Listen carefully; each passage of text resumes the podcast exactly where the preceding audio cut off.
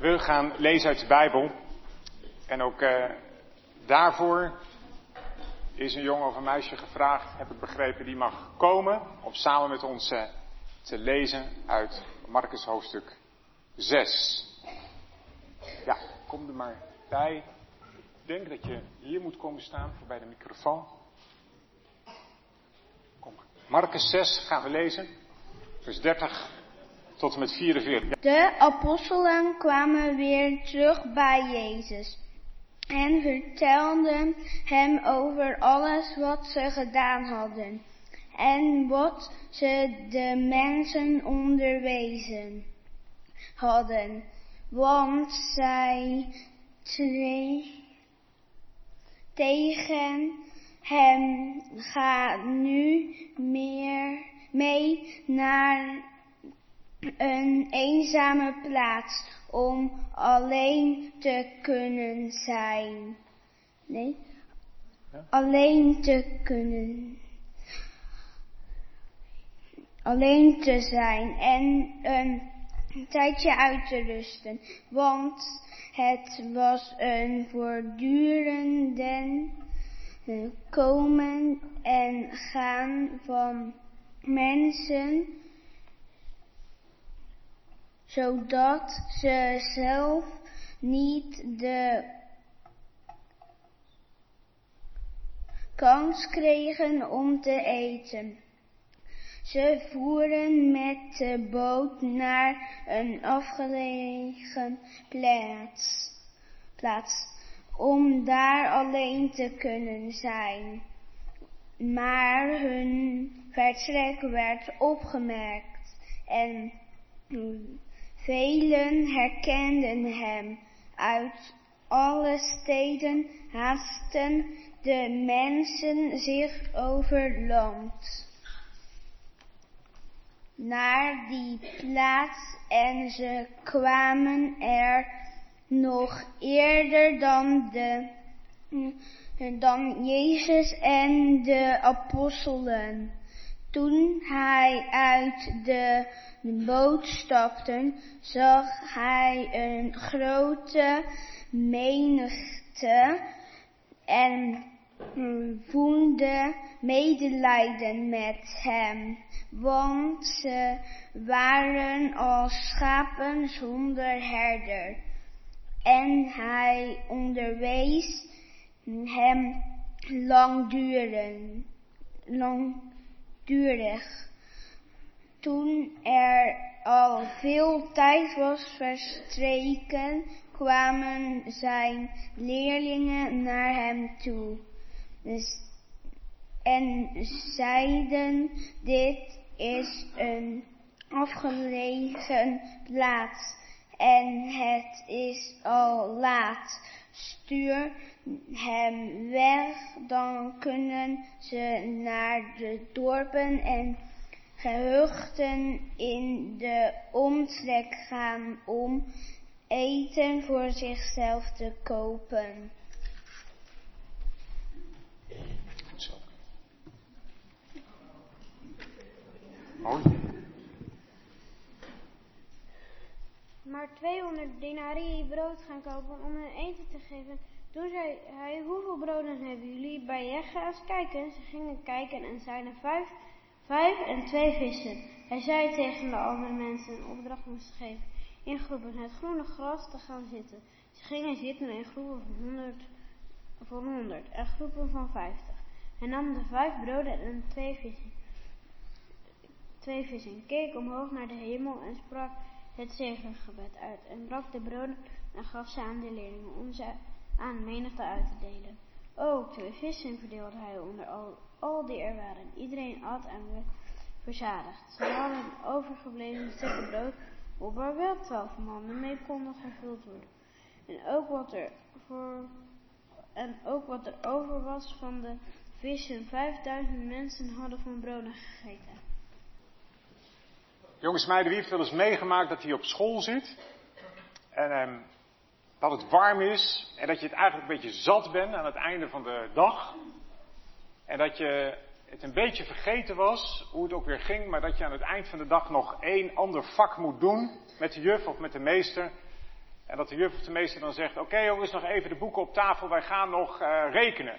En dat je dan echt helemaal geen zin hebt. Wie heeft er wel eens meegemaakt? Oh, dat is een boel. Ja. En wat denk je op zo'n moment? Wat denk je dan? Zeg maar. Wel net de taal gebruiken, maar wat denk je dan? Als het zo doorgaat, ga ik naar huis. Ja. Ja, kom dat maar. Of wat zou jij doen?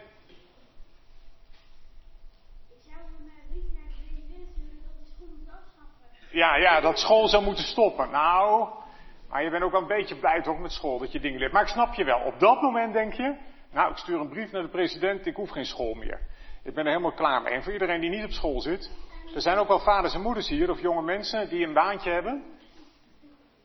En dan moet er overgewerkt worden aan het eind van de dag. Terwijl het ook gewoon vijf uur is en je denkt, ik ben er klaar mee. Ik ja, ik zie nu al mensen knikken. En dan moet er iemand of moet er een paar mensen langer blijven werken. En iedereen die zegt, nee hoor, ik geniet enorm van mijn werk, ik heb daar geen last van, ik ben eigen baas, ik ga naar huis wanneer ik wil. Het kan ook op een andere manier. Vaders, op vaderdag. Dat je na een dag hard werken thuis komt. En dat je dan een tafel hebt met kinderen als de Heere God je die gegeven heeft. En dat er dan dat gedoe begint rond de maaltijd. Terwijl je een dag hard gewerkt hebt. En dat gepraat en dat geruzie en dat ik lus het niet. Welke vader kent dat? Wie zegt nou dat, uh, dat, ja zie je, daar zijn er ook wel een boel van. Ja, we kennen dus allemaal het gevoel van, het gevoel van nu even niet. Ik heb hier even geen trek in, even geen zin in. Jongens en meisjes en oudere mensen. Nou, wat net gelezen is door de mannen. Jezus, die heeft een belangrijke missie op aarde. Hij wil vertellen over het koninkrijk van God. En er zijn mensen die hem helpen, zijn discipelen. Die zijn daarvoor geroepen. We hebben gelezen, misschien viel het je niet zo erg op, in Marcus 6, dat ze twee aan twee op pad zijn geweest. En dat ze dan terugkomen bij Jezus. En dan staat er dat ze zelfs nog geen tijd hadden gehad om te eten. En Jezus ziet dat ze moe zijn. En dan zegt hij, weet je wat wij gaan doen? We gaan even naar een eenzame plaats. We stappen in de boot, we gaan naar de overkant van het meer. Daar is het gras groen. En daar gaan wij picknicken. We gaan daar tot rust komen. We gaan even pauze nemen. Dat is wat er hier gebeurt. En op grond van de rest van het verhaal weten we dat dat ergens rond het middaguur was. Het zal wel warm zijn geweest. En ze varen naar de overkant van het meer. En in een tijd waarin er nog geen mobiele telefoons zijn en zo, zijn er mensen die zien dat gebeuren en die rennen ook naar de overkant of die geven het door. En misschien heeft er iemand wel een ezel of een paard gehad die naar de overkant van het meer rende en tegen iedereen zei, Jezus gaat naar de overkant van het meer. En ze komen daar aan met hun bootje en daar staan alweer honderden mensen en na korte tijd duizenden mensen. Maar de discipelen zouden daar gaan picknicken. Ze zouden met Jezus pauze houden. Daarom gingen ze naar de overkant van het meer. En ik denk dat de discipelen dachten, nu even niet. Ik heb hier even geen zin in. De hele ochtend gewerkt. Waarom nu weer zoveel mensen? Maar Jezus, die kijkt anders naar die grote groep. Hoe kijkt hij naar hen? Wat, wat lazen we net in de Bijbel? Hij ziet de mensen en, en hoe, noemt, hoe noemt de schrijver die groep mensen? Wie, wie weet het nog? Zeg het maar. Een menigte? Ja, goed, dat was een moeilijk woord net, hè? Ja, ja. Een menigte. En hoe wordt die menigte genoemd?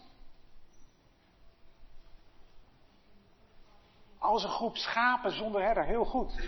Nou ja, wat gebeurt er met schapen zonder herder? Die gaan alle kanten op.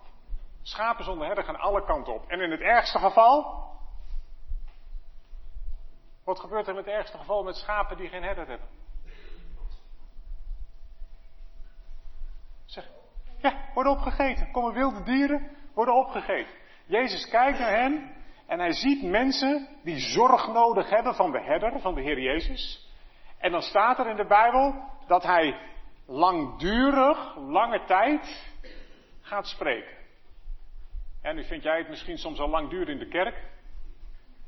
Maar deze kerkdienst duurde echt heel lang. Zo lang dat op de duur de discipelen tegen elkaar zeggen: Jongens, maar we zouden hier toch gaan picknicken. En trouwens, kijk eens naar de zon, die gaat steeds lager staan. Het wordt notabene avond. Hoe moet dat straks met al die mensen die geen eten hebben gehad?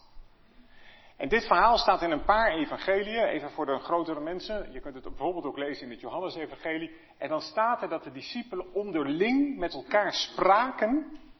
En dan is er eentje, die wordt aangewezen, of die heeft de moed om naar de dominee, naar Jezus toe te lopen en te zeggen, u moet er echt mee stoppen. Ja, echt, dat is Filippus. Filippus komt naar Jezus toe en die trekt Jezus aan zijn jas of iets en die zegt, ja, Jezus, het wordt laat hè. U denkt echt dat u moet stoppen. Want, want deze mensen, en we weten niet zo goed of dat dan een smoes is of dat het echt is, of omdat misschien is omdat de discipelen zelf een beetje honger hadden, dan zeggen ze, deze mensen moeten eten. En waar kunnen we zoveel eten vandaan halen voor 5000 mensen? Er staat 5000 mannen officieel in de Bijbel, dus misschien waren het nog wel veel meer als er ook nog vrouwen en kinderen bij waren. Maar in ieder geval 5000 en dat is echt heel veel. En Jezus die kijkt om zich heen en dan zegt hij, wat zegt hij dan? Wat is het antwoord van Jezus? Geven jullie er maar te eten. Dat is natuurlijk een grapje. 5000 mensen te eten geven als je geen grote supermarkt hebt. Hoe werkt dat dan? Hoe kan dat? En dan komt het belangrijkste stukje uit het Bijbelgedeelte. Dan staat er in vers 38. Hoeveel eten is er? Ga eens kijken. Eerst maken de discipelen nog een beetje ruzie, een beetje mot, een discussie met Jezus. Moeten we voor 200 denari brood gaan kopen? Nou, dat woord, 1 denari was ongeveer wat je verdiende op een dag. Dus 200 denari is ongeveer een jaarsalaris. Als je bedenkt dat je ook nog een beetje vakantie hebt. 200 dagen gewerkt. Moeten we voor zoveel brood gaan kopen? Nee, zegt Jezus. Wat is er aanwezig? Wat is er wel? Ja, hoezo? Wat is er wel? Nou, jullie hebben het over wat er niet is. Er is te weinig. Maar ik wil anders kijken naar de situatie en ik wil weten wat er wel is. En dan gaan de discipelen bezig en ze gaan overal vragen, heb jij eten bij je? Heb je eten bij je? En wij hebben het hele verhaal gelezen, wij kennen de afloop, maar moet je je voorstellen dat je daar was en dat dan Petrus voor je staat, of Filippus, of een andere discipel die zegt, hey, heb jij eigenlijk eten bij je? Heb jij eten bij je? Nou, ja, eh, nee, ik niet. En dan gaan ze overal langs en op de duur vinden ze een jongetje en die zegt, ja, ik heb wel wat. En we weten niet waarom die het had. Misschien was hij net naar de markt geweest voor zijn moeder. Nou, dan kom je straks thuis en is je eten weg. Moeder ook niet blij. Of hij had een lunch meegekregen. Hoe dan ook, hij heeft vijf broden en twee vissen. En die geeft hij aan de discipel. En die geeft het aan Jezus. En dan, wat gebeurt er dan? Roep het maar. Vinden jullie dat een beetje spannend in, in een goes? In Amsterdam uh, maken ze bijna ruzie wie er dan wat mag zeggen. Wat gebeurt er met het brood en vis in de handen van Jezus? Jezus zegent het. En dat is belangrijk. We hebben niet een Bijbel waar staat, nou, hier is het brood en vis, vijf broden en twee vissen, discipelen succes, nu kun je de mensen te eten geven. Nee, de heer Jezus ontvangt het en dan geeft hij het aan zijn vader. Hij bidt een zegengebed, spreekt ook een dankgebed uit. En dan vindt dat wonder plaats dat er heel veel brood en vis beschikbaar is. Zoveel als Jezus breekt. Het komt in manden terecht en het wordt uitgedeeld en iedereen heeft genoeg te eten. En aan het eind van dat wonder, als iedereen gegeten heeft, dan worden de overgebleven stukken brood en vis opgehaald. Waarom? Waarom wordt het opgehaald? Zodat er niks verloren gaat, toch? En waarom worden er twaalf manden vol opgehaald? Waarom twaalf en niet tien of acht? Omdat er twaalf discipelen waren. Sommige mensen zeggen ook omdat in het Oude Testament er twaalf stammen van Israël waren. Is ook zo. Er waren twaalf discipelen. En weet je nog dat ze aan het eind van de ochtend met Jezus naar de overkant van het meer zijn gegaan om wat te eten? En toen hebben ze een paar uur naar een preek geluisterd. En toen zijn ze tussen 5000 mensen op zoek gegaan naar eten. En toen hebben ze het gevonden en toen hebben ze het uitgedeeld, al dat eten wat Jezus maakte. En aan het eind werd overgebleven brokken allemaal weer opgehaald. Die discipelen die hebben allemaal de tong op hun schoenen hangen. Die zijn doodmoe. En die krijgen aan het eind van de middag allemaal een mand vol met eten. Eindelijk. Zoveel als ze willen. Wat een bijzonder verhaal. Had Jezus de mensen ook op een andere manier eten kunnen geven? Zeg het eens. Hoe had Jezus het kunnen doen? Hij had gewoon naar de winkel kunnen gaan. Ja? En als er niet genoeg was? Maar oké, hij had naar de winkel kunnen gaan. Want Jezus,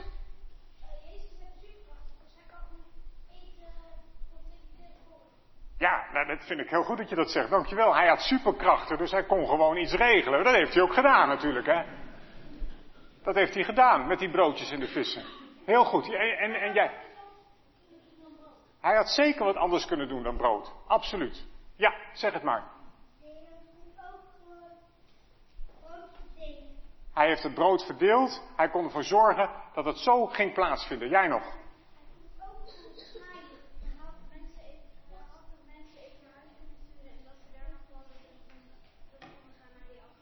Hij had ze naar huis kunnen sturen, ga even eten en kom daarna weer terug.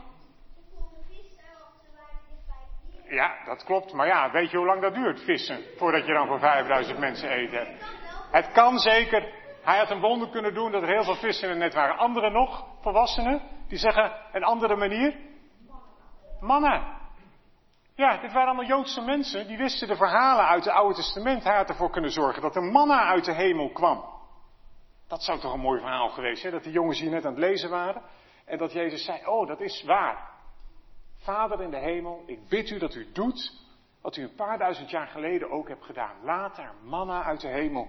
En dat het dan zou begonnen, te beginnen te regenen.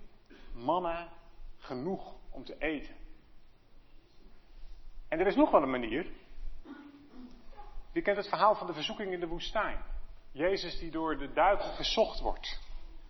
En wat zegt de duivel dan tegen Jezus? Als u honger hebt, maak van deze stenen brood. Ja joh, dat zou ook een verhaal geweest zijn. Dus dat we nu hadden gelezen net in de Bijbel. En Jezus zei, gaat u allemaal maar even zitten. En die mensen allemaal zitten op een steen. En dat Jezus bad, Vader in de hemel, wilt u van alle stenen hier in het gebied een brood maken? Dan zat je opeens op een brood. Dat was ook een wonder geweest wat in de Bijbel had gekund. Staat er niet. Waarom niet? Ga ik je proberen uit te leggen. Omdat je in de hele Bijbel ziet dat God mensen, gewone mensen, jongens, meisjes, tieners, volwassenen, inzet bij zijn wonder. Is God afhankelijk van mensen? Helemaal niet. Het kan manna regenen, daar komt geen mens aan te pas. En als Jezus van stenen brood zou maken of andere wonderen doet, daar hoeft niemand wat aan te doen. Maar God maakt de keus om dat jongetje met zijn vijf broden en twee vissen te gebruiken om een wonder te doen. Een jongetje van wie we de naam niet kennen. Een jongetje waarvan we niet later in de brieven van Paulus lezen. Van Paulus aan de gemeente van Efeze. Kent u dat verhaal van vroeger? Van een jongetje dat heel gelovig was dat was ik. Nee, we weten niet wie het is geweest, dit jongetje. Maar God heeft hem gebruikt. Het enige wat hij moest doen, was wat hij had in de handen van Jezus leggen, zodat Jezus er een wonder mee kon doen. En als je nou hier zit en als je zegt, ja, wacht even, is dat dan een normale manier? Ja, dat is in de Bijbel de normale manier. Ik kan je een paar voorbeelden geven, maar er zijn er wel honderd, wel tweehonderd te noemen. Denk maar aan water in wijn veranderd. Jezus' eerste wonder. Had God mensen nodig? Nee, natuurlijk niet. Maar wat moest er gebeuren? Vul de watervaten met water. En de knechten moesten water in de watervaten doen. En daarna deed Jezus het wonder van water dat in wijn werd veranderd. Wat nou als, als, die, als die knechten hadden gezegd, ja dag, Hoezo watervaten met water? Doei, het feest is al begonnen, daar beginnen we niet aan. Mensen worden ingezet bij het wonder. Heeft God mensen nodig? Ik zeg het nog een keer. Nee, zeker niet. Gaat het vaak zo? Heel vaak. Wat denk je van die vrouw uit het Oude Testament? Bij de profeet. Ze had een heel klein flesje olie. De profeet Elisa die kwam daar. En die vrouw loopt er naartoe en ze zegt: Mijn man is gestorven. Ik ben weduwe en ik heb twee kinderen. We hebben schulden. En de schuldeiser wil nu de twee kinderen als slaaf verkopen. Wat kunt u voor me doen? En wat is het antwoord van Elisa? Net het antwoord als Jezus. Niet wat is er niet, maar wat hebt u wel? Wat is er wel? En dan is er één flesje in het huis met een beetje olie. En dan zegt Elisa, ga de stad in en haal alle potten en pannen die je kunt vinden en zet ze in je huis en dan ga je maar gieten met dat kruikje met olie en dan zul je zien dat er helemaal niets verloren gaat. En dat het door zal gaan tot alle potten en pannen gevuld zijn. En we lezen dan in de Bijbel dat aan het eind de vrouw dat gedaan heeft, de olie is niet op, en dan gaat ze naar de profeet en dan zegt ze, alles is gevuld, wat moet ik nu doen? En dan zegt de profeet, verkoop al de olie. En met de opbrengst kun je je schuld betalen en heb je genoeg geld om te leven. Heb je wel eens nagedacht over de vraag waarom wij niet in de Bijbel hebben gelezen dat de profeet op zijn knieën ging en zei: Heere God, hier is een vrouw, een weduwe, en haar kinderen worden als slaaf verkocht straks. Ik wil u om een wonder bidden. Wilt u zorgen voor een oplossing? En dat we dan in de Bijbel zouden lezen dat God de hemel opende en er een zak geld uit de hemel naar beneden viel. Dat zou toch geen groter wonder zijn dan een flesje olie wat niet opraakt? Het is allebei een wonder. Maar God zet mensen in. Die arme vrouw, die moest aan de slag, die moest aan het werk. Heeft God mensen nodig? Nee. Doet hij het vaak zo? Ja. Eén voorbeeld nog voor de jongens en meiden. Ken het verhaal van Lazarus die gestorven is? En dan komt Jezus. En dan, en dan zeggen de mensen: Jezus, laat het maar. Hij is gestorven en u bent te laat. En Jezus zegt: Volgens mij niet. Hij huilt omdat hij zijn vriend kwijt is. En dan zegt hij tegen de mensen: Rol de steen weg voor het graf. Nogmaals, gemeente, wij hebben geen Bijbel waar staat. En Jezus bad tot zijn vader en de steen rolde weg. Had ook gekund. Maar er moeten een paar mensen uit de groep komen en die moeten de steen wegduwen. En dan zeggen de mensen: Doe het nou niet, Jezus. Hij is al te lang dood. Dat kan niet goed gaan. En dan zegt Jezus: Lazarus, kom eruit. En we lezen in de Bijbel dat Lazarus uit het graf kwam. En heb je ooit bedacht hoe Lazarus uit het graf kwam? Zal ik het voordoen? Zo. Ja, want er staat in de Bijbel dat hij in doeken was gewikkeld. En de mensen die net zeiden, Jezus doe het nou niet, hij is te lang gestorven, die moeten naar voren komen en die moeten de doeken eraf halen. En waarom hebben we geen Bijbel waarin gewoon staat dat Lazarus is opgestaan en dat die doeken. Als je iemand uit de dood kan opwekken, kun je dan ook even zorgen dat die doeken eraf vallen? Nee, God zet mensen in. Jezus zet mensen in bij het wonder. En waarom is dat goed nieuws? Omdat het betekent dat jij en ik onderdeel kunnen zijn van dat wat de Heere God aan het doen is in deze wereld. Hier, in Goes en in de dorpen waar je vandaan komt hieromheen. Denk nooit te klein, jongens en meiden, over wat jij kunt doen in het leven van iemand anders. Een poos geleden was er een juf van een van de kinderen van mij bij ons in de kerk. Ze zegt altijd dat ze niet in God gelooft. En ze zat daar en vlak voor de samenkomst liep ik naar haar toe. Ik zei, joh, Ariane, wat leuk dat je er bent. Hoe kom jij nou hier? En weet je wat ze zei? Wil je dat echt weten? Ik zei, ja. Dan komt het dat je al, altijd, altijd als je je kinderen naar school brengt met zo'n glimlach oploopt. Daarom. Ik wil het wel eens zien. Nou, ik, ik dacht, goeie Nicky. Dus als ik glimlach, dan kan de Heere God dat gebruiken om iemand anders in de kerk te brengen. Als jij hier nu zit, en als je een meester of een juf hebt, of een papa of een mama, of een oom of een tante, op vaderdag, Waarvan je weet, hé, hey, die oom of die tante die vindt het misschien wel moeilijk vandaag. En je zou een kaart of een tekening maken. En zeggen, oom Henk, het is een beetje een lastige dag, want het is vaderdag vandaag en u hebt geen kinderen. Maar ik wil tegen u zeggen dat u de allerliefste oom van de wereld bent. Groetjes. Nou. En als je die kaart vandaag bij je oom brengt, dan kan God een wonder doen in zijn hart. En hem ontzettend dankbaar en blij maken voor een neefje zoals jij. Misschien dat hij wel heel veel pijn heeft in zijn hart en in zijn leven. En door een kaart van jou ziet hij wie God is en wie jij bent. En iedereen die niet van kaarten schrijven houdt, als je denkt naar deze preek, wat kan ik hier nou concreet mee? Ga vanmiddag alsjeblieft je telefoon pakken, open je WhatsApp op de manier die jij het doet. En stuur een bericht naar die persoon die je nu in je gedachten hebt. Want God kan een wonder doen door jou heen. Morgenochtend als je de bus stapt, kun jij de keus maken om de buschauffeur vriendelijk goedemorgen te wensen. Op een fijnere en plezierige manier dan meestal bliep en doorlopen. Je kunt de eerste zijn, morgen, in het leven van die man, die iets betekent van hoop en van verlangen. Ik heb een moeder die vaak ziek is geweest en veel in het ziekenhuis heeft gelegen. En wat heeft ze vaak kaartjes gehad? En wat heb ik het vaak gezien als tiener? Dat één kaartje met één Bijbeltekst.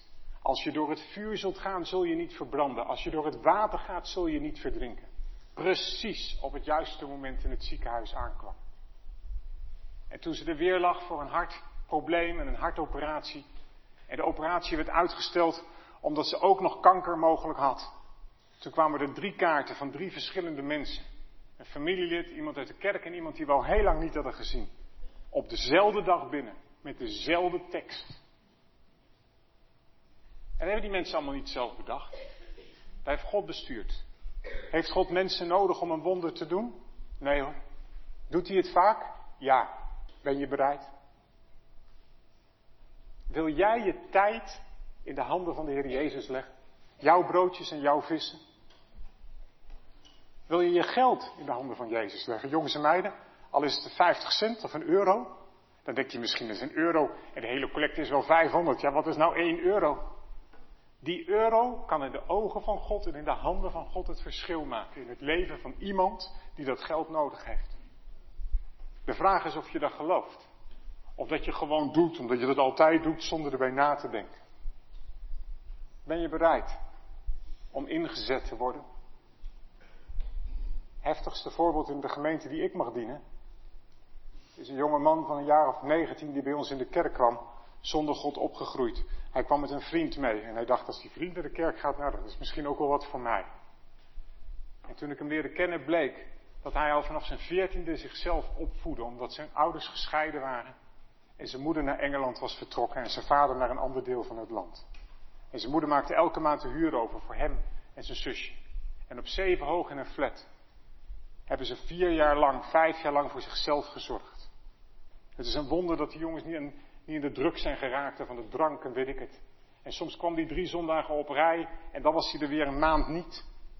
En ik was in het ziekenhuis op bezoek geweest bij iemand en ik fietste terug langs zijn flat en ik voelde het stemmetje van binnen. Hoe is het met hem? Ga er maar even langs. Dus ik belde aan. Hij deed niet open. Ik dacht, nou, dat heb ik het zeker verkeerd. Nog een keer gebeld. En toen hoorde ik een schreeuw vanaf het balkon. Wat wil je?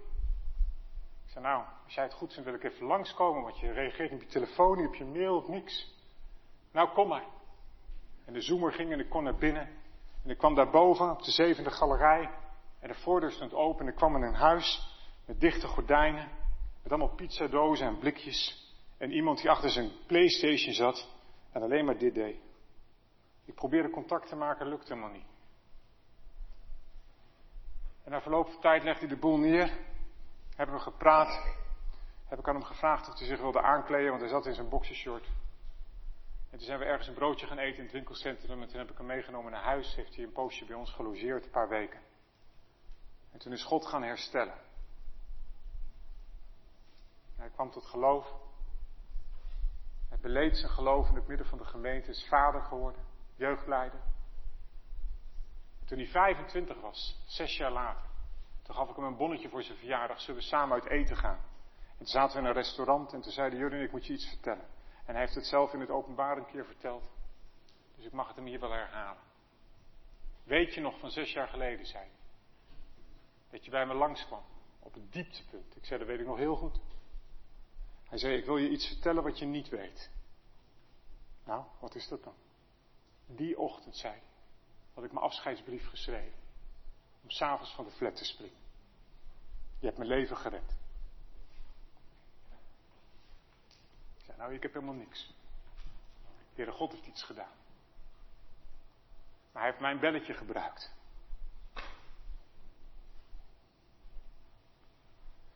Dus als je op je hart hebt om iemand aan te bellen, om iemand een berichtje te sturen, wil je het dan alsjeblieft doen en niet denken, wat zal die ervan vinden? Doe het. Zodat God een wonder kan doen. Vijf broden, twee vissen, jongens en meisjes, voor ons allemaal. Ik sluit af met hetzelfde Bijbelverhaal, maar dan uit Johannes hoofdstuk 6. Daar staat het ook. En daar lezen we dat het uiteindelijk niet alleen gaat om brood en vissen, dat jij gevoed wordt en dat jij iets mag betekenen in deze samenleving. Want lees maar eens mee wat er de volgende dag gebeurt. De volgende dag. Ze vonden Jezus aan de overkant van het meer en ze vroegen, Rabbi, wanneer bent u hier gekomen?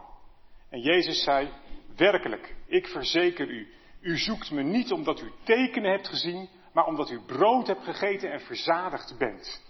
U moet geen moeite doen voor voedsel dat vergaat, maar voor voedsel dat blijft en eeuwig leven geeft. De mensenzoon zal het u geven, want de Vader, God zelf, heeft hem die volmacht gegeven. En ze vroegen, wat moeten we doen? Hoe doen we wat God wil? Dit moet u doen. Geloven in Hem die Hij gezonden heeft, antwoordde Jezus. De mensen zijn de volgende dag weer gekomen. En Jezus zegt, jullie komen niet uit echte interesse, even in mijn eigen woorden. Jullie komen omdat je gisteren een wonder hebt gezien, omdat je gratis eten hebt gehad en vandaag wil je het weer. Daarom kom je. Je komt niet eens om het wonder zelf, maar om te eten en te drinken. Maar je moet helemaal niet komen voor je lichamelijke voedsel. De vraag die uiteindelijk belangrijk is, is, wat wil God? En als die mensen dat dan vragen, wat wil Hij dan? Wat moeten wij doen? Hoe doen we wat God wil? Dat is de belangrijkste vraag die je kunt stellen. Hoe doe ik wat God wil? Dan zegt Jezus, geloven in Hem die Hij gezonden heeft. En dat vind ik belangrijk voor vanmorgen. Als je de vraag stelt, wat wil God van je? Dan is vanmorgen niet de boodschap dat jij eindelijk eens een keer je brood en vis in de handen van Jezus legt. Alsof jij het moet doen. Daar gaat iets bovenuit. En dat is geloven in Hem die door God gezonden is. Die naar deze wereld is gekomen. Die is afgedaald om dicht bij mensen te komen. En als je dat geloof mag ontvangen, als die genade in je hart gaat werken, en dat gun ik je 100% voor het eerst of opnieuw, dan roept God je op om je broodjes en je vissen, je gaven, je talenten, je tijd, je geld in de handen van Jezus te leggen. Door één uur per week, één uur per maand vrijwilligerswerk te doen bij het bejaardentehuis, zodat iemand die nooit meer buiten komt, eindelijk wel buiten komt en weer gaat leven. God die jou inzet bij zijn wonder. En niet zonder dat je bent gaan geloven in Hem die gezonden heeft. Nou, ik zei het al, dit stukje uit de Bijbel is een dag na het wonder. Laatste stukje, vers 30. Toen vroegen ze, welk teken kunt u dan verrichten? Als we iets zien, zullen we in u geloven. Wat kunt u doen? En dan komt hij, vers 31. Onze voorouders hebben immers manna in de woestijn gegeten, zoals geschreven staat, brood uit de hemel heeft hij hun te eten gegeven. Dat is toch heftig, hè? Heb je gisteren dat wonder meegemaakt van de vermenigvuldiging van het brood? En dan sta je de volgende dag bij Jezus en dan zeg je, bewijs eens wie u bent. Kijk, vroeger, toen viel de man uit de hemel. Hebt u nog niet gedaan, hè? Zo arglistig is ons hart. Jezus zegt, werkelijk, ik verzeker u, niet Mozes heeft u het brood uit de hemel gegeven, maar mijn Vader. Hij geeft u het ware brood uit de hemel. Het brood van God is het brood dat neerdaalt uit de hemel en dat leven geeft aan de wereld. Geef ons altijd dat brood, Heer, zeiden ze toen. Ik ben het brood dat leven geeft, zei Jezus. Wie bij mij komt, zal geen honger meer hebben en wie in mij gelooft, zal nooit meer dorst hebben. Ja, jij mag ingezet worden. Nee, niet zonder dat je daadwerkelijk zelf hebt gegeten van het brood des levens. En denk nou niet te snel, oh, oh, oh, die Joodse mensen. Gisteren een wonder en vandaag weer onzeker. Want gebeurt het in ons leven niet precies zo? Je kunt aangeraakt zijn door een preek. Of voor mij, Bart, ben je naar opwekking geweest of op een andere plek waar iets gebeurde van de grootheid en de goedheid van God. En dat heeft je wat gedaan. En je gaat naar huis en je bent dankbaar voor wat de Heer heeft gedaan in je ziel. En morgenochtend word je wakker en krijg je lievelingstante een bericht dat ze kanker heeft. En je zegt, waarom? Waarom God? Hoezo? Waarom zij? Dit is hoe het gaat in het hart van een mens. Overtuigd zijn van God en een dag later of een week later ben je alles weer kwijt. En dat komt omdat we in een gebroken wereld leven. En daarom is het zo belangrijk dat je mag eten van het brood dat leven is. God zelf. Hij biedt het je aan. Ook vanmorgen. De Heer Jezus die zegt, ik kwam naar deze wereld. Hoe je er ook bij zit vandaag. Gelovig of niet. Kun je het niet geloven? Twijfel je? Weet je niet waar je het zoeken moet? Heb je alles op een rijtje gezet? Valt hij je tegen? Jongens, alsjeblieft, zeg tegen God waar je zit. Zeg het net als Thomas. Heer, als ik u niet eerst mag voelen, dan kan ik het niet geloven. En weet je wat Jezus dan doet? Dan daalt hij af. Komt hij zo naar je toe. Zegt hij, oké, jij bent Thomas. Nou, hier. Voel het dan. En zalig ben je als je niet ziet en toch gelooft. We hadden ook een Bijbel kunnen hebben waarin stond, zeggen we tegen Thomas, eh, hallo, hij moet het gewoon geloven. Wat denkt hij wel niet? Ben je een vader met een ziek kind? Jezus wilt u genezen. En dat Jezus dan aan je vraagt, geloof je dat ik dat doen kan? En dat je dan zegt, Heer, ik geloof. Kom mijn ongeloof te hulp.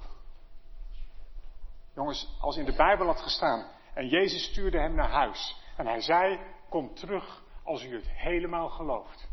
Dan had niemand van jullie gezegd, oh wat een harte les zeg van Jezus. Dan hadden we allemaal gezegd, zo is het.